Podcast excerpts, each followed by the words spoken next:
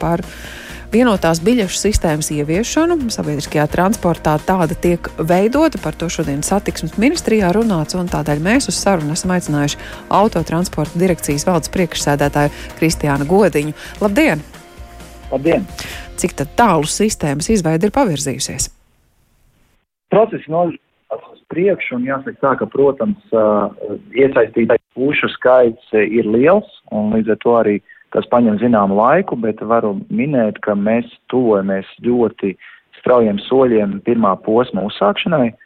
Un ņemot vērā, ka sistēma savā ziņā ir komplicēta un plaša, kad uh, mēs sāksim ar pirmo posmu, un pirmajā posmā ir paredzēts, ka ar 1. augustu uh, varētu sākt uzsākt biļešu, vienreizējo braucienu biļešu tirzniecību, un ar 6. augustu uh, pirmais maršruts, kurā uh, šāda veida biļetes tiktu pārdotas internetu vidē, būtu Rīga, Kalngala, Cārnikava, Kadaga.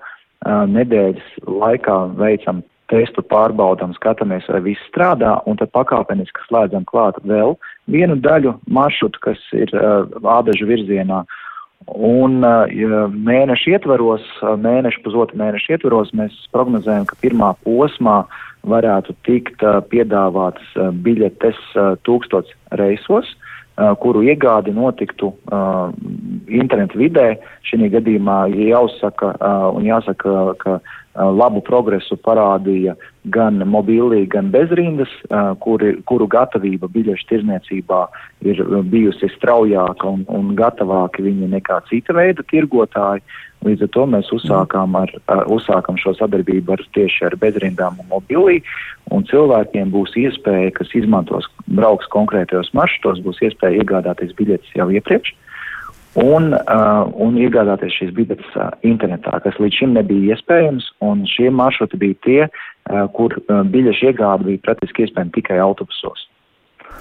Uh, tas ir apvienojot tikai autobusu iespējas, vai tomēr liekot klāt arī vilcienu? Tas ir tas virziens, kur šo pirmajā, to jau var kombinēt. Posmā, jā, pirmajā posmā, tāpēc es minēju, pirmajā posmā šobrīd būs vienreizējās brauciena biļetes un tieši autobusos. Jā.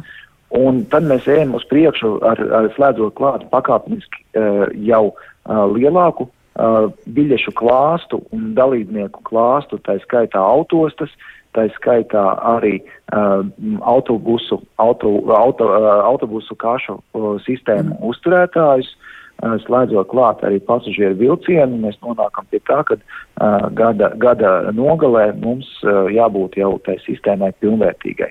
Tas, kas mums ir svarīgi, uh, lai sistēma varētu pilnvērtīgi arī strādāt un darboties, mums ir svarīgi, lai uh, P&P veiktos darbs ar uh, ID karšu izsniegšanu, uh, jo ID karte mums ir uh, būtisks instruments uh, personu, kurš saņem uh, un brauc ar atvieglojumiem, uh, uzskaitējumu validācijai sabiedriskā mm. transportā. Tas nozīmē, ka tā persona, kura brauc ar 100% atlaidi, piemēram, pirmās, otrās grupas uh, invaliditāti, vai personas, kas brauc ar atlaidēm, kā piemēram daudz bērnu ģimeņu locekļi, uh, viņu, uh, viņu validācija sabiedriskā transportā uh, turpmāk uh, varētu notikt attiecīgi izmantojot ID karti.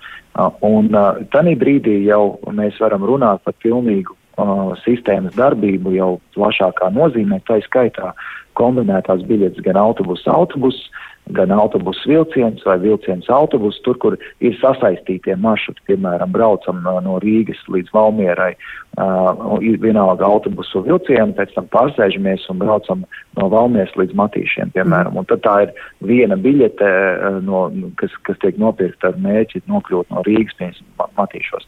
Tā kā šādi, šādi, šādā veidā tas tiktu būvēts. Un arī tā skaitā cilvēkiem arī eh, tiek strādāts pie tā, lai cilvēkiem arī abonentu biļetes būtu ērtākas un uh, abonentu biļešu nesēji varētu būt uh, vairāki. Uh, tas nozīmē, ka arī ID karte varētu pildīt arī abonentu mhm. biļešu nesēju funkciju. Jūs minējāt, vēl, ko es, jā, jā. vēl ko es gribēju pieminēt par to augustu, ņemot vērā, ka tas ir pirmais posms, visātrāk viņš sāksies, cilvēkiem attiecīgi šīs biļešu, biļešu tirzniecība tātad uh, būs pieejama gan tajos pašos autobusos, fiziski uz vietas, gan pērkot iepriekš, uh, vai nu izmantojot bezrīnas, vai izmantojot mobilī pakalpojumu.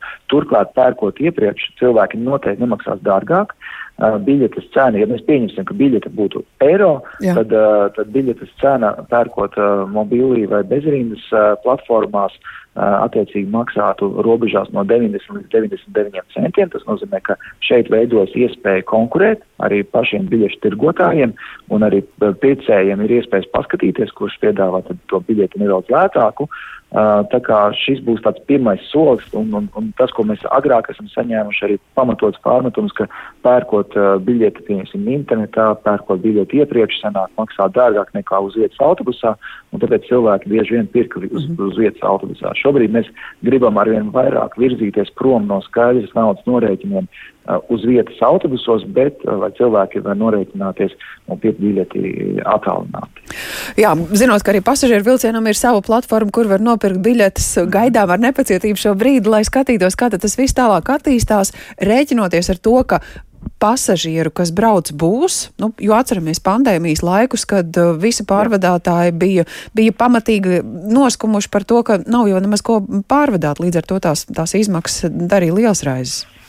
Protams, un, protams, ka pandēmija ietekmē, un, ja, ja mēs paskatāmies salīdzinām 19. gadu, kas mums bija pasargāts no pandēmijas un visu citu veidu ietekmes, tad uh, Covid laikā tas pasažieru skaits kritās pat vidēji par 40%, kas ir ļoti, ļoti, ļoti liels skaitlis.